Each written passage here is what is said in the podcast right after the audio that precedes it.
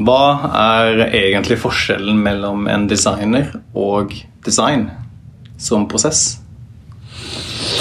Eller som aktivitet? Hvem vil begynne? Altså, Det sånn- enorme spørsmål. Ja. Jeg kan jo begynne med sånn, sånn design som en evolusjonær prosess. da. Altså intelligent design begynner å snakke om Ja, det. vi må tilbake til Big Bang Big Bang. Ja, ja, ja. Intelligent design er ikke Big Bang. Intelligent design er jo noe annet. hear me out. Liksom. Du trenger, du trenger, eh, du trenger eh, noe å jobbe med når du skal forme noe. Ikke sant? Du trenger noen som eh, lager variasjon, du trenger noen som har ideer som testes ut. Du har noen som rigger prosessen for å få respons, for å tune ting underveis.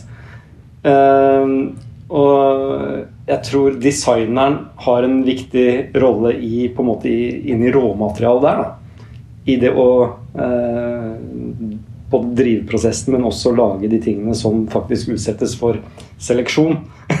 hvis, du, hvis du skjønner. Så, så design, hvis du ser på design som eh, resultatet av en eh, en eh, optimerende prosess eller en adaptiv prosess, så, så trenger du eh, noen motorer inni deg for å få den til å rulle og gå. Og en av de er sannsynligvis en design. Ok, men for å være litt vanskelig. Hva er forskjellen mellom det og eh, tilfeldige mutasjoner som gjør at noe overlever og noe ikke overlever?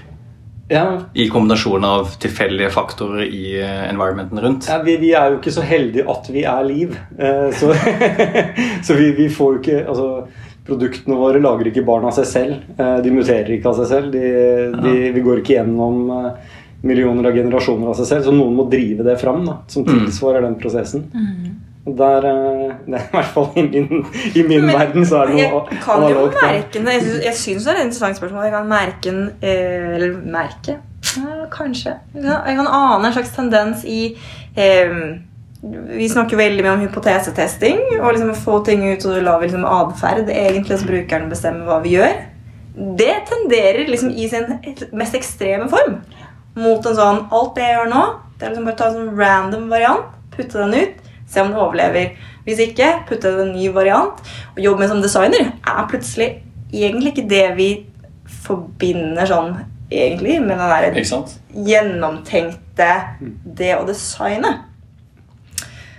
Og det er ja, satt på spissen. sant? At du, det kan du plutselig bli. altså sånn, Jeg kan være en, en designer i gåseøyne, og alt det jeg gjør, det er bare å dra opp liksom, Dette er en ny variant. Jeg, har ikke tenkt, jeg trenger ikke tenke et sekund på brukerbehov eller har gjort noe innsikt på forhånd. Aner ikke liksom, hva du skal få til. Bare slenger den ut. Ja, klikker folk på dette her. If not, ny variant. Sånn, Klikker folk på den. Og jeg aner ikke, sant, i sin helt ekstreme vers- versjon trenger ikke å ha noe bakgrunnskunnskap. Trenger ikke å ha noe utdanning i det her. Trenger ikke å være noe som helst. Jeg trenger bare å være en spytter ut en ny variant. Photoshop hadde jo en sånn funksjon en stund. Du bare kunne klikke på bildeforbedring. Litt mer rødt, eh, grønt, og så fikk du ny sånn populasjon. Da kommer jeg og begynner å snakke om ja, hva er en designer da, liksom? Da er det jo Det er han som klikker. En, en, Og det skjer jo egentlig allerede i eh, måte nærliggende bransjer med innenfor produktutvikling. Produktdesign, altså fysiske produkter. da. Det finnes jo selskaper som driver med sånn AI-drevet produktutvikling, hvor en sånn AI driver produserer masse iterasjoner. Og så kjører simuleringer, og så det som funker best, blir overlevende. Og det blir bedre enn det mennesket kommer frem til. da. Jeg har en lekt det er skummelt å tenke på.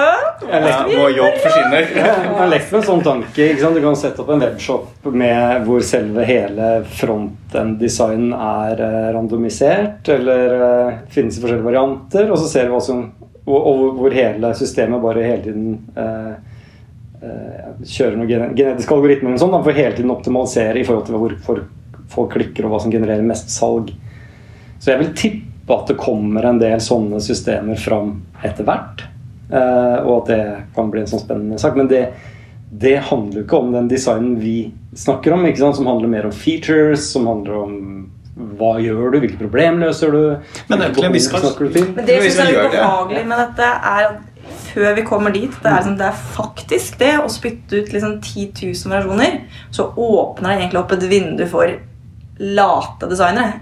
Veldig late designere og kunnskapsløse designere. Altså, du, du Plutselig så får du en kjempefin sånn hvilepute på Jeg trenger egentlig å ikke ha tenkt så igjennom hvordan den løsningen burde være.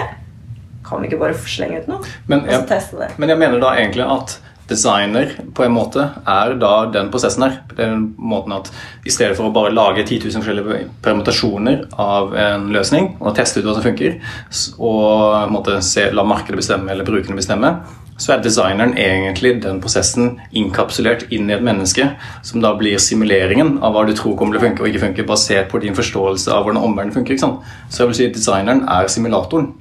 Og, og det vil jeg også tenke at som fagperson så er det det er en grunn til at det er en utdanning og det er en grunn til at du blir bedre med erfaring. Det er fordi du får til å simulere bedre. Altså bare det å forestille deg. Og Derfor trenger du snakke med bruker og gjøre innsikt, fordi du trenger å få liksom, kontinuerlig forståelse av hvordan Ja. Jeg snakker veldig ofte ned intuisjon, men jeg tror noe av det, jeg tror noe av det riktige her. ikke sant? Fordi du hiver jo ikke ut helt random ting. Du begynner med noe som mennesker liker. Og hvorfor vet du at mennesker liker det? Jo, fordi du har erfaring og du er menneske selv osv. Så, designeren vil jo hjelpe deg fram til noe som er mye nærmere målet mye raskere. mm. Og ikke helt random ut i ja, Mm. Photoshop-matrisen over litt forbedringer, ikke sant. Og det er jo et eller annet også med Og hvorfor skal du liksom gidde å gjøre, liksom, gjøre den prosessen? Men jeg tenker sånn et selskap har liksom ikke uendelige ressurser. Det er liksom ikke uendelig med avkom du kan spytte ut og teste. Du har jo eh, et begrenset med ressurser. Så det er jo et eller annet med også idet du putter noe ut i verden, vil du ikke da vite litt sikrere at den har en overlevelsessjanse? En viktig funksjon til nå, det er eh, fordi du har, eh, du har et problem når du lager et, et, eh, en adaptiv prosess. Det er at du får en sånn lokal optimi, Mm. optimaliseringsproblem. Da, hvor du kanskje er kjempegod på å løse noe som er veldig noe alle har sett på, og som er veldig nærliggende. Men du vet ikke at hadde du gått liksom 100 skritt til høyre, så er det en mye større bakketopp. Og det tror jeg også er designers rolle å liksom si hei, se på dette alternativet, som er noe helt annet enn det alle han har snakket om fram til nå. Som kan være si, mye større gullkiste eller skattkister. eller høyere bakketopp, da? Som, som bare ligger et annet sted enn enn det folk trodde. Og så har jeg eh, en slags sånn pet peeve Nei, jeg vet ikke. Men eh, nettopp designerens rolle Når vi bruker ordet design på den måten, så det kommer jo liksom med en del sånne implikasjoner av hva vi putter i den eh, potten. Eh, som jeg også syns eh, av og til er en sånn Det er fair enough når vi snakker om rolle, men vi, vi blander jo veldig fort leveransen design med det en designer gjør. Mm.